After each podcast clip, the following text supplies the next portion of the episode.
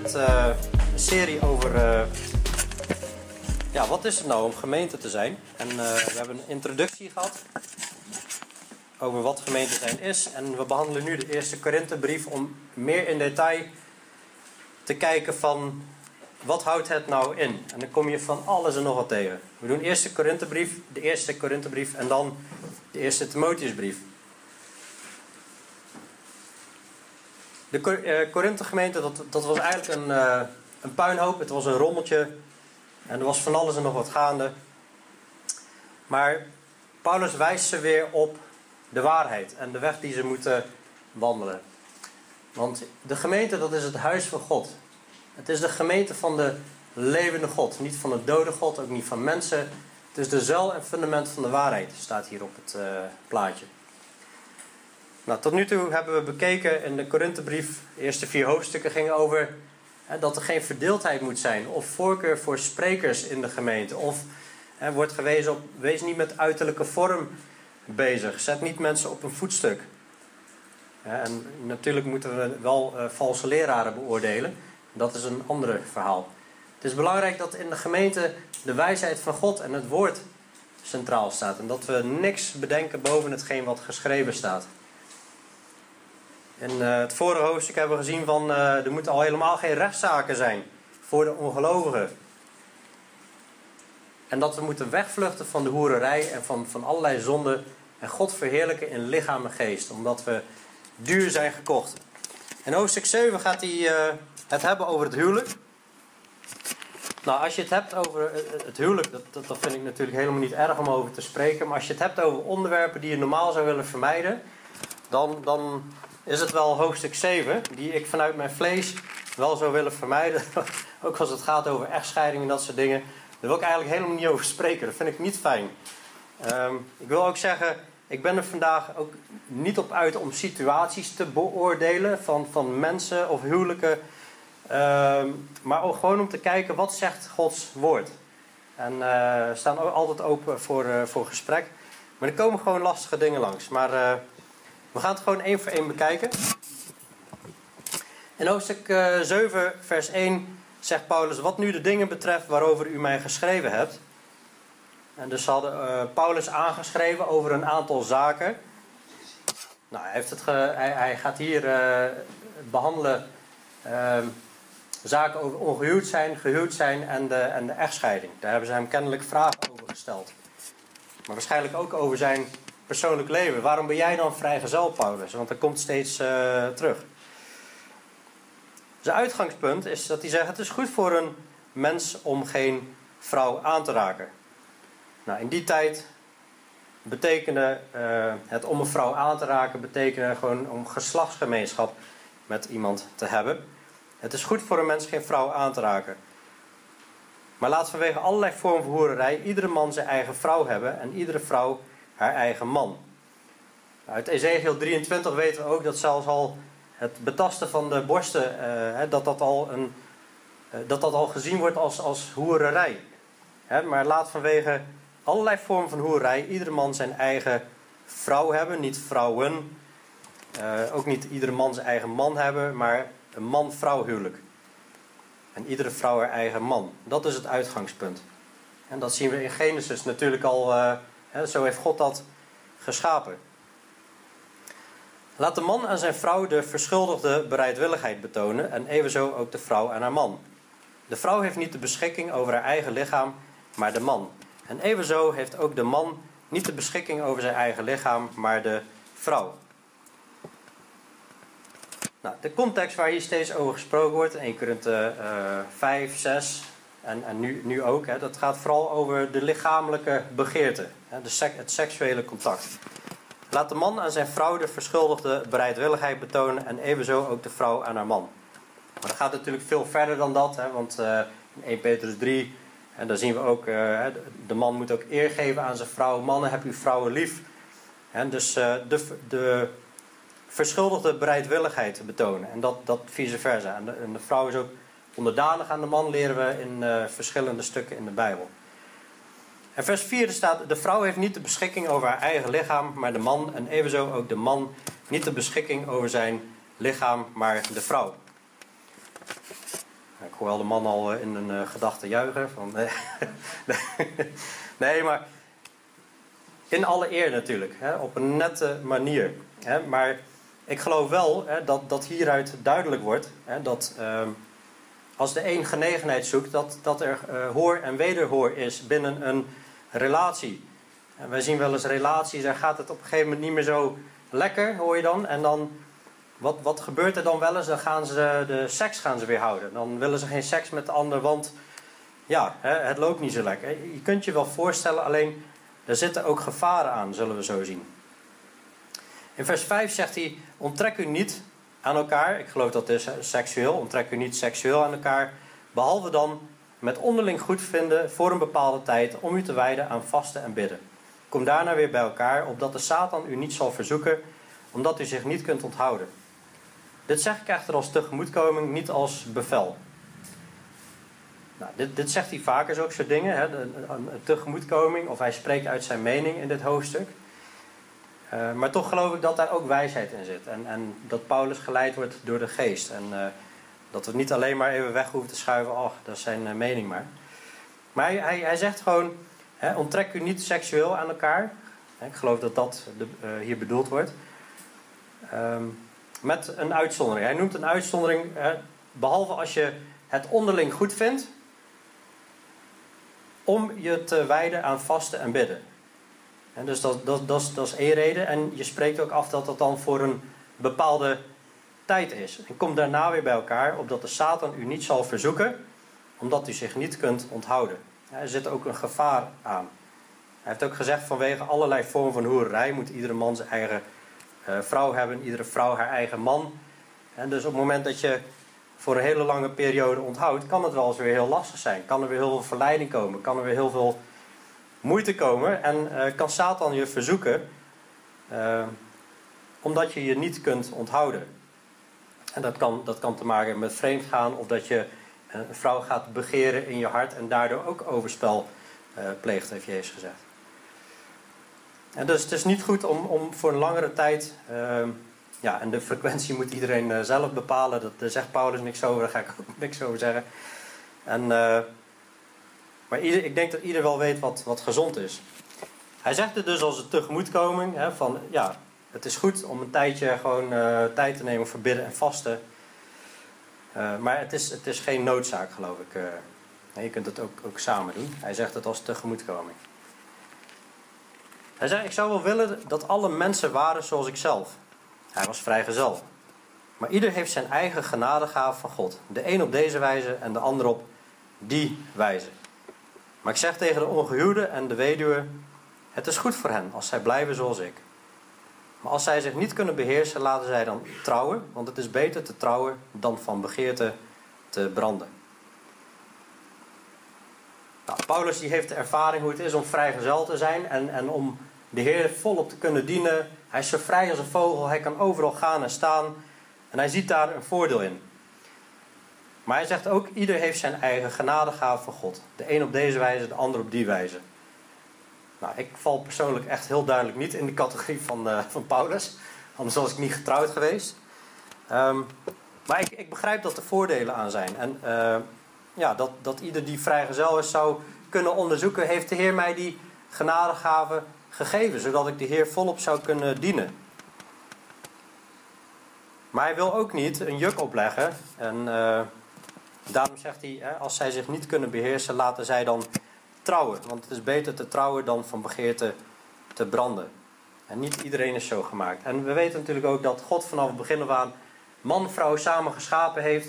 Zodat ze tot één vlees zullen worden. En er komen ook nakomelingen uit natuurlijk. En... Uh, in, in, in de meeste gevallen, als alles medisch uh, goed is. Wat ik persoonlijk zie, dat zegt Paulus niet, als ook een voordeel. Als onze kinderen weer wandelen met de Heer. Kijk ook bij mijn ouders, daar wandelen de vier kinderen wandelen met de Heer. En drie zijn heel intensief in de bediening of hebben een leidinggevende rol in een gemeente. Of de man heeft een leidinggevende rol in een gemeente. Dan kun je ook zo weer het koninkrijk uitbreiden. Maar toch zegt hij, ik zeg tegen de ongehuwde en de weduwe, het is goed voor hen als ze blijven zoals ik. Dan gaat hij in vers 10 verder, maar de gehuwden beveel ik, niet ik, maar de Heere, dat een vrouw niet zal scheiden van haar man. En als zij toch gaat scheiden, moet zij ongehuwd blijven. Of zich met haar man verzoenen. En dat een man zijn vrouw niet zal verlaten. Dus we zien hier dat een vrouw niet zal scheiden van haar man. En het einde van vers 11. En dat een man zijn vrouw niet zal verlaten. Beide richtingen is niet de bedoeling dat je elkaar verlaat. Dit zijn natuurlijk lastige kwesties, want je ziet wel uh, echtscheidingen binnen de kerk, buiten de kerk sowieso, maar het gaat hier om, om binnen de kerk. We hebben hier ook te maken met een zo zegt de Heer, maar de gehuwde beveel ik, niet ik, maar de Heer, dat een vrouw niet zal scheiden van haar man. Dat is het uitgangspunt. Maar als zij toch gaat scheiden, moet ze ongehuwd blijven. Dus kennelijk ziet Paulus, erkent hij situaties waarbij het toch heel benard, benauwd wordt, heel lastig wordt. Waardoor er toch een, een echtscheiding gaat plaatsvinden, zeg maar. Maar dan zegt hij, dan moet ze ongehuwd blijven of zich met haar man verzoenen. Hier zitten nog wat mits en maren aan. Hè, voordat ik uh, verder ga, voordat we te snel conclusies trekken. Want Jezus heeft ook hierover gesproken, over dit onderwerp. In uh, Matthäus 19.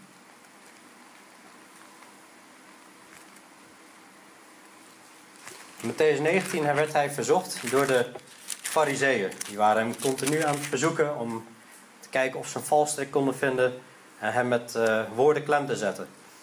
In Matthäus 19, vers 3, daar staat: En de fariseeën kwamen naar hem toe om hem te verzoeken en zeiden tegen hem: Is het de man toegestaan zijn vrouw om allerlei redenen te verstoten? En hij antwoordde en zei tegen hen: Hebt u niet gelezen dat hij die de mens gemaakt heeft, hen vanaf het begin af mannelijk en vrouwelijk gemaakt heeft? En gezegd heeft: Daarom zal een man zijn vader en zijn moeder verlaten en zich aan zijn vrouw hechten.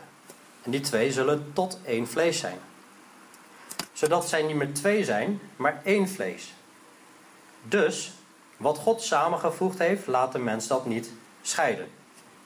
Jezus is heel duidelijk over, als, als God mensen samengevoegd, dan mag de mens niet aankomen. Laat de mens dat niet scheiden. En nu denken die fariseeën van, nou, nou hebben we Jezus klem. nou, nou hebben we hem te pakken, want Mozes heeft wel degelijk een echtscheidingsbrief uh, gegeven. En dan zeggen ze ook in vers 7, waarom heeft Mozes dan geboden een echtscheidingsbrief te geven en haar te verstoten? Hij zei tegen hen, Mozes heeft vanwege de hardheid van uw hart u toegestaan uw vrouw te verstoten. Maar vanaf het begin af is het zo niet geweest.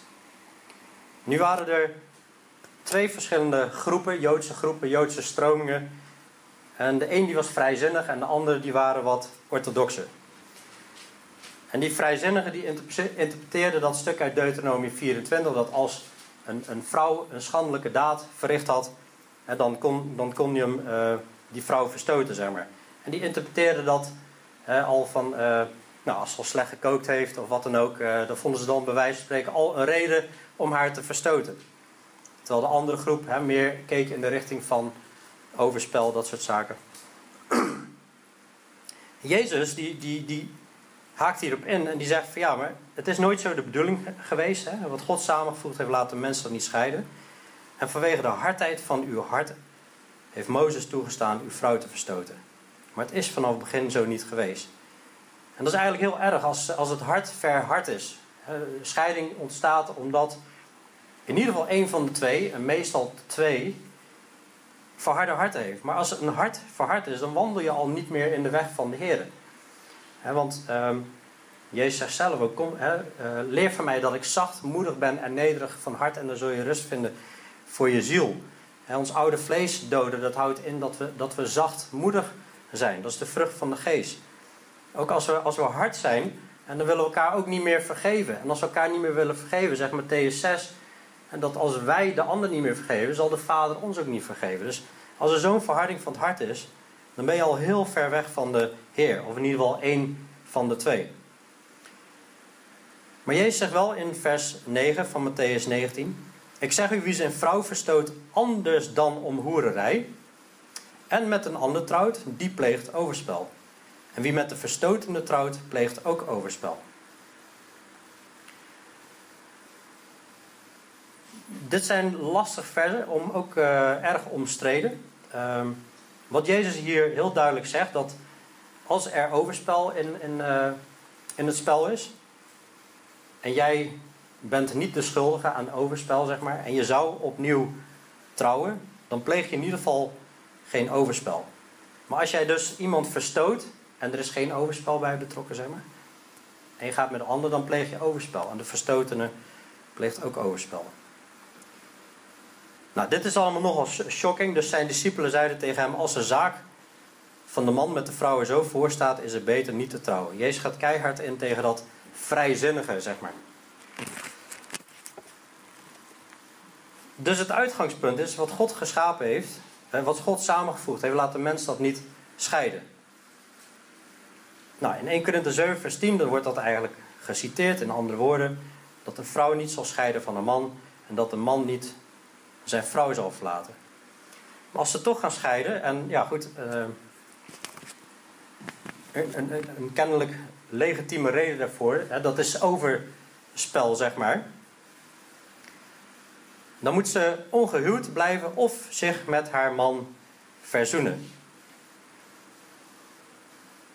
En dan moet ik even, even goed gaan nadenken dat ik de dingen goed uh, ga verwoorden. Want dit, dit is echt een uh, lastig onderwerp. Ik, was dat gisteren zo aan. Ik dacht, lijkt, lijkt wel of het voelt wel alsof ik een advocaat ben, weet je wel. Dat je, ja, als dit en dan dat. En dan je hebt allerlei uitzonderingen.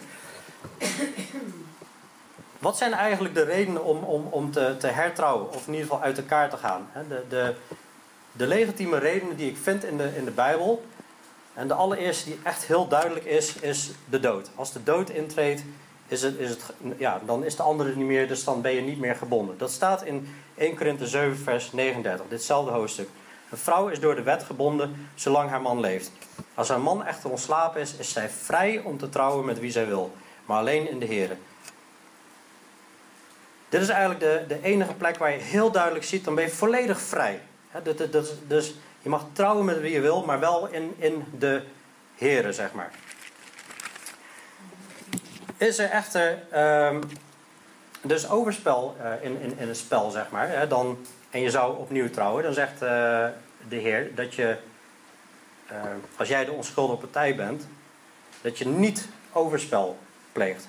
Tegelijkertijd zegt hij ook niet van, oh, je, je bent volledig vrij. Hij moedigt het niet aan. Hier staat eigenlijk, als ze toch gaat scheiden, moet ze ongehuwd blijven of zich met haar man verzoenen. Want je, je hebt dan nog steeds de mogelijkheid tot verzoening, zolang je ongehuwd blijft.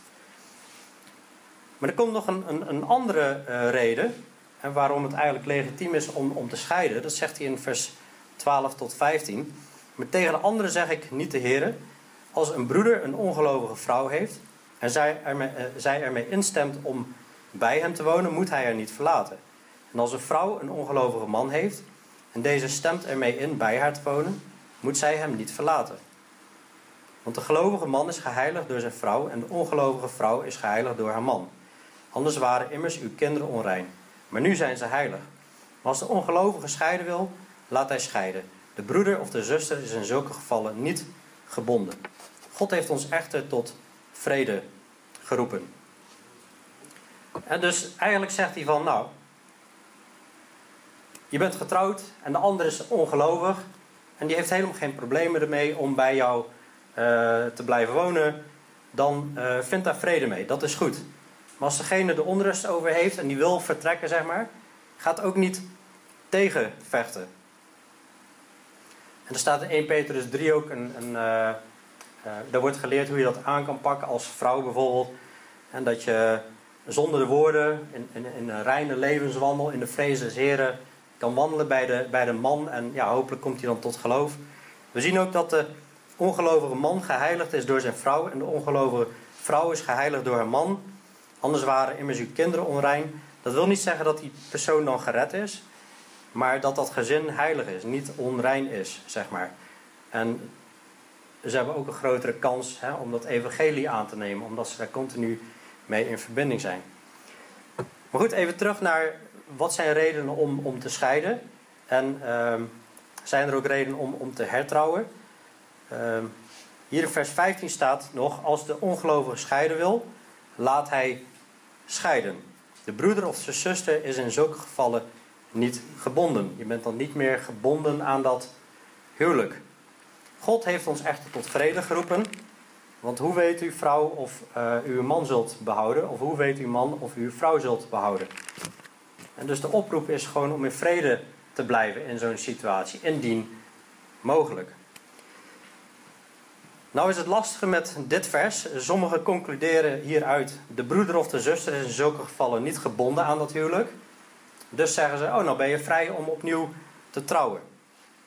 Dat vind ik een beetje een lastige conclusie, omdat hij in vers 10 zegt: een vrouw, eh, dat een vrouw niet zal scheiden van een man. En als ze toch gaat scheiden, moet ze ongehuwd blijven of zich met haar man verzoenen.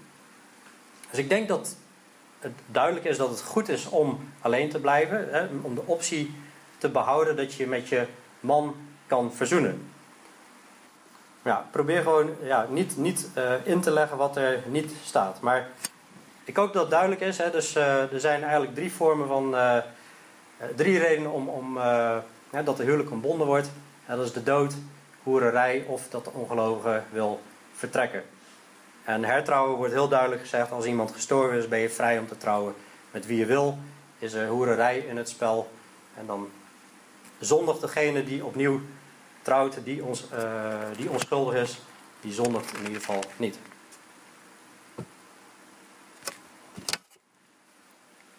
Ik had er al een mooi plaatje bij, maar uh, ik vond deze wel interessant. Hè? Want als je, ja, als je dit, naar dit plaatje kijkt en je ziet hier een gezin. Die twee staan op die uh, planken. Op het moment dat die man naar die vrouw zou gaan, ja, dan valt dat kindje omlaag en die trekt de rest mee. Dan stort zo'n heel huwelijk stort natuurlijk in. Oké, verschillende roepingen gaat hij mee verder. Maar zoals God aan ieder heeft toebedeeld, zoals de Heer ieder geroepen heeft, zo moet hij wandelen. En zo schrijf ik het uh, in alle gemeenten voor. Als iemand als besnedene geroepen is, dan moet hij die besnijdenis niet ongedaan laten maken. Is iemand geroepen die onbesneden is, dan moet hij zich niet laten besnijden. Hij wil eigenlijk zeggen, ja, de situatie waar je in geroepen wordt, blijf gewoon zo. En hij bedoelt natuurlijk niet als je drugsdealer bent, ga dan gewoon lekker door. Dat is een heel, natuurlijk een heel ander verhaal. Um, ik vind sowieso eigenlijk bijna wel humor wat hij hier zegt. Als iemand als besnedene geroepen is, dan moet hij die besnijdenis niet ongedaan laten maken. Lijkt me nogal een ingewikkelde operatie eh, om dat te bewerkstelligen. Hij zegt in vers 19: Besneden zijn is niets en onbesneden zijn is niets. Maar het in acht nemen van de geboden van God. Is best wel grappig. Hij maakt je dus eigenlijk gewoon ook duidelijk onderscheid in. want het besneden zijn was onder het oude verbond, was dat wel degelijk een gebod. hij zegt, nou eigenlijk dat is niets, dat is oude verbond. Het, acht, het in acht nemen van de geboden van God. En dat is wat belangrijk is. En leer onderhouden alles wat Jezus geboden heeft natuurlijk. Laat ieder blijven in de roeping waarin hij geroepen is. Bent u als slaaf geroepen, dan moet u zich daarover niet bekommeren. Kunt u echter ook vrij worden, maak dan liever van die gelegenheid gebruik. Wie namelijk als slaaf geroepen is in de Heer, is een vrijgelatene van de Heer. Evenzo is hij die als vrije geroepen is, een slaaf van de Heer. Stel je bent een slaaf, je werkt voor een Heer. Zegt hij in vers 21 eigenlijk, je moet je geen zorgen om maken. Maar goed, als je je vrij kan kopen, dan is dat ook goed. Um, wie namelijk als slaaf geroepen is, stel je bent zo'n slaaf en je bent geroepen in de Heer, dan ben je in de Heer ben je gewoon vrij. En tegelijkertijd is hij die een vrije is, niet aan de Heer verbonden is, die is weer een slaaf van Christus. En dus het is eigenlijk om het even. U bent duur gekocht, word dus geen slaven van mensen. Laat ieder voor het aangezicht van God blijven, broeders, in de staat waarin hij geroepen is. Nou, dat betrekt hij natuurlijk ook op, op het huwelijk, hè, deze, deze voorbeelden. En op eventueel vrijgezel zijn. Wat betreft hen die nog maag zijn, dan gaat hij, gaat hij door naar de ongehuwde. Wat betreft hen die nog maag zijn, heb ik geen bevel van de Heer. En de Heer Jezus heeft hier niet duidelijk iets over gezegd of over gesproken. Ik geef echter mijn mening als iemand die barmhartigheid van de Heer heeft verkregen om trouw te zijn. Ik denk dat dit goed is met het oog op de aanstaande nood. Namelijk dat het voor een mens goed is om zo te zijn. Waarschijnlijk zijn er dus vragen gesteld over waarom ben jij, ben jij dan vrijgezel, Paulus? Is dat dan goed? Is dat dan beter? Paulus die, die wijst erop, ja, er is een aanstaande nood. Hè, er is een, een hele grote nood. Mensen gaan verloren in de wereld. En dan kun je daar volop richten. Daarom gelooft hij dat het goed is voor een mens om zo te zijn. Hij zegt: Bent u aan een vrouw verbonden, zoek geen losmaking. Bent u vrij van een vrouw, zoek dan geen vrouw. Je moet sowieso niet scheiden, hè, zegt hij. Dat maakt hij ook duidelijk. Hè. Dus ben je verbonden. Dit is absoluut geen reden om te scheiden natuurlijk. Oh, ik ga nou voor de Heer. Uh, ik ga nu de Heer dienen, dus uh, ja, ik uh, vraag een echtscheiding aan. Dat is niet de bedoeling. Maar bent u vrij van een vrouw? Ben je nog niet getrouwd? Of misschien is je man of vrouw gestorven? Zoek dan geen vrouw, zegt hij. Maar ook als u trouwt, zondigt u niet. Dus hij is heel duidelijk van, ja, hij, hij, hij legt dit niet op als een wet. Hij begon ook met zijn mening. want in 1 Timotheus 4, vers 1 tot 3, eh, daar zien we van, en dat er leringen zullen zijn van misleidende geesten en demonen. Eentje daarvan is dat mensen zullen gebieden om niet te trouwen. Nou, dat is het celibatisme. Dat zie je in de, hè, dat is in de Roomse kerk geweest, dat de priesters zei en dat de priesters niet mochten trouwen. Nou, je, je ziet wat, wat voor ellende daarvan gekomen is. Dat gaat gewoon keihard tegen Gods woord in. want uh, dat zijn uh, leringen van demonen en misleidende geesten, zegt Paulus in 1 Timotheus 4. Dus hij ziet het niet zwart-wit. Hij zegt ook als u trouwt, zondigt u niet. Want hij heeft ook eerder gezegd, wie brandt, laat hij trouwen. Wie brandt van begeerte, laat hij trouwen. Ook als een meisje dat nog maagd is trouwt, zondigt zij niet. Zulke mensen echter zullen wel verdrukking hebben in het vlees en dat wil ik u besparen. nou, hij uh, is hier lekker positief over natuurlijk. uh, maar ja, goed, uh, verdrukking in het vlees, ja. zwangerschappen zijn zwaar, bevalling is zwaar. hele huishouden rijlen en zeilen. Met, nou, wij weten met vier kinderen, dat is ook best pittig. Je zult verdrukking hebben. En je zult ook steeds hard moeten werken om op één lijn te zitten met elkaar. Daar moet je tijd in investeren. Nou, ik zie het niet altijd als verdrukking, maar goed, hij, uh, hij zei wel, ze zullen verdrukking hebben. Maar goed, als een, een relatie clasht, als het op een of andere manier ook niet meer lekker loopt, dan is dat natuurlijk ook verschrikkelijk. We hebben helaas al huwelijken, en we zijn over twee weken 15 jaar getrouwd, maar we hebben helaas gewoon huwelijken om ons heen zien stranden onder gelovigen en ongelovigen. Of gewoon dat mensen zo hard tegenover elkaar staan en zo een verdrukking hebben in dat huwelijk. Dat is gewoon triest. Als mensen zich niet onderwerpen aan God, dan wordt het gewoon een harde situatie. Maar dit zeg ik, broeders, dat de tijd beperkt is.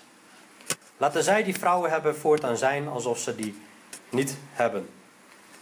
En dus hij zegt, de tijd is kort hè, voor die nood natuurlijk.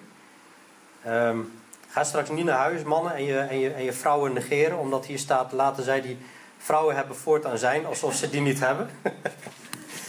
um, Ik geloof dat hij gewoon bedoelt van zet net als ongehuwde God op nummer 1. God is op, hoort op nummer 1 te staan. En op, op die manier laten zij die vrouwen hebben voortaan zijn alsof ze die niet hebben. En zij die huilen alsof ze niet huilen. En zij die blij zijn alsof ze niet blij zijn. En zij die kopen alsof ze niet bezitten. En zij die van deze wereld gebruik maken alsof zij die niet gebruiken. Immers de gedaante van deze wereld gaat voorbij. Laat de, ik heb hierbij geschreven in mijn eigen Bijbel. Laat de zorgen in het leven je niet leiden. wij, wij, wij zitten in deze wereld, we, we kopen dingen. Ehm, we zijn soms verdrietig, we zijn soms blij. Maar wees er heel licht mee verbonden. Ja, je moet, je moet spullen kopen, zeg maar. Je, je hebt gewoon een stoel nodig thuis om op te zetten en een tafel om aan te eten. Maar wees er heel licht mee verbonden met, uh, met je hart. Zij die van deze wereld gebruik maken, laten ze zijn alsof zij die niet gebruiken. Immers de gedaante van deze wereld gaat voorbij. De hele fashion, de hele, alle modes, alle trends, alles, alles gaat voorbij. Deze hele wereld gaat voorbij. En ik wil dat u zonder zorgen bent. Je gaat je daar dan allemaal zorgen om maken. Hè? Als je zo graag al die aardse dingen uh, hebt. En de ongehuwde draagt zorg voor de dingen van de Heer, hoe hij de Heer zal behagen. Wie echter gehuwd is, draagt zorg voor de dingen van de wereld. Hoe hij zijn vrouw zal behagen. En dus de ongehuwde die kan zich volledig richten op de Heer. Hoe hij de Heer zal behagen. En de ongehuwde is natuurlijk, heeft, heeft een verplichting, heeft een, uh, de verantwoordelijkheid om, uh, of de gehuwde heeft de verplichting om met uh, de ander bezig te zijn en de man hoe die zijn vrouw zal behagen. En dat is natuurlijk geestelijk en fysiek en in, in, in alle facetten van het leven. Er is onderscheid tussen de gehuwde vrouw en het meisje dat nog maagd is. De ongehuwde die draagt zorg voor de dingen van de Heer om zowel naar lichaam als naar geest heilig te zijn. Als ongehuwde liggen natuurlijk allemaal verleidingen op de loer. En dat, uh, dat is soms lastig. Maar hij roept op om zowel naar lichaam als naar geest heilig te zijn. dat wil niet zeggen dat uh, de gehuwden dat niet moeten zijn. Maar zij echter die gehuwd is, draagt zorg voor de dingen van de wereld. Hoe zij haar man zal behagen. Nou, daar staat op verschillende plekken wel uh, uitgelegd hoe dat, hoe dat, hoe dat uh, in zijn werk gaat. En dit zeg ik tot uw eigen voordeel. Niet om een strik over u heen te werpen, maar om u te leiden tot eerbaar gedrag en blijvende toewijding aan de Heer zonder afgeleid te worden. Dus ja, hij, hij promoot dat vrijgezel zijn toch al wat. Hij noemt de voordelen. En je kunt dan echt de Heer dienen. Maar hij zegt heel duidelijk: dat is niet om een strik over je heen te werpen, maar om u te leiden tot eerbaar gedrag en blijvende toewijding aan de Heer zonder afgeleid te worden. Nou, als het goed is kun je elkaar ook juist versterken. Ik wil niet altijd zeggen dat het een afleiding is, man-vrouw. Maar ja, goed, je bent gewoon soms met kinderen ook met andere zaken bezig. En dan vers 36, 37, die worden in verschillende Bijbels wat anders uh, vertaald. Ik zal het eerst eens even zo voorlezen zoals de HSV het uh, vertaalt. Er staan heel veel schuingedrukte woorden in. Schuingedrukte woorden, dat betekent dat die niet in de oorspronkelijke grondtekst staan. Hij zegt, maar als iemand denkt dat hij ongepast handelt ten opzichte van zijn aanstaande vrouw, die nog maagd is, als de jaren van de jeugd voorbij zijn, en het op deze wijze behoort te gebeuren. Laat hij doen wat hij wil, hij zondigt niet, laten zij trouwen. Maar wie in zijn hart vastbesloten is en er niet toe genoodzaakt wordt, maar macht heeft over zijn eigen wil, en in zijn hart besloten heeft dat hij zijn eigen aanstaande vrouw, die nog maagd is, zo zal houden, die handelt ook goed.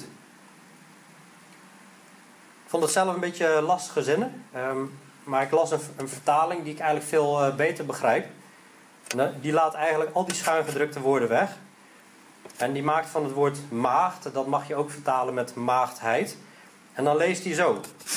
Maar als iemand denkt dat hij ongepast handelt ten opzichte van zijn maagdheid, als de jaren van zijn of haar jeugd voorbij zijn, en het op deze wijze behoort te gebeuren, laat hij doen wat hij wil, hij zondigt niet, laten zij trouwen.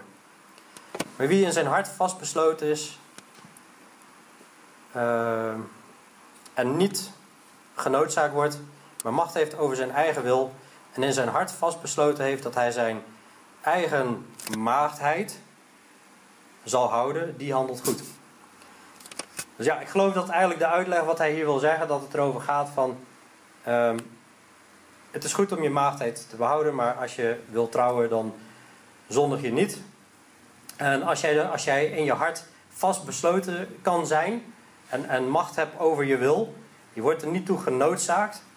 En je, je brandt dus niet zo van begeerte als anderen die dan beter maar wel kunnen trouwen. En dan handel je ook goed. Wat voor mij eigenlijk ook wel weer een, een eye-opener was. Hè, dat, ja, soms zie je wel eens mensen die tot ver in de dertig of zo uh, vrijgezel zijn. En dan uh, heb je misschien soms wel eens medelijden mee. Of je bidt van, uh, dat de Heer toch iemand schenkt. En, ehm, maar goed, het is ook helemaal niet erg. God kan een genadegave gegeven hebben aan iemand. En uh, ja, dat hij ook geeft dat die persoon macht heeft over zijn eigen wil. Dus ook wie het een huwelijk geeft, handelt goed. Maar wie niet een huwelijk geeft, handelt beter. Een bericht aan de vaders. Een vrouw is door de wet gebonden zolang haar man leeft. Als haar man echter ontslapen is, is zij vrij om te trouwen met wie zij wil. Maar alleen in de Heren. En dus, ja, we hebben dit vers al eerder genoemd. De dood is een hele legitieme reden om te zeggen van... je bent nu opnieuw vrij om te trouwen. Nou, ik heb hier een plaatje. Getrouwd, man sterft. Die is niet meer op aarde, dus ben je vrij om opnieuw te trouwen. Maar er staat er ook, maar alleen in de Heer. En ik geloof dat dat principe altijd geldt. Hè? Dat wie je ook maar trouwt, dat dat is alleen in de Heer. Wij zijn onze kinderen nu al aan het leren. Ga niet trouwen met uh, een ongelovige. Uh, 2 Korinther 6 zegt heel duidelijk: wat heeft de gelovige met de ongelovige gemeen? Helemaal niks. En wat heeft licht met duisternis gemeen? Helemaal niks. Het geeft problemen. Het zal je beperken in je, in je groei, in je wandel. Wij zien mensen die het wel hebben gedaan. En, en zelfs eh, die persoon die wil meer tiende geven, nou die andere vindt 25 euro wel genoeg. Je, je onthoudt je van een zegen daarin. En het wordt heel lastig. Dus wij zeggen al tegen onze kinderen: ga trouwen met iemand die Jezus volgt. Ga niet trouwen met iemand die zegt dat hij in Jezus gelooft, maar ga trouwen met iemand die zegt dat hij in Jezus gelooft en hem ook duidelijk volgt. Dat is een wereld van verschil, want er zeggen zoveel mensen dat ze in Jezus geloven.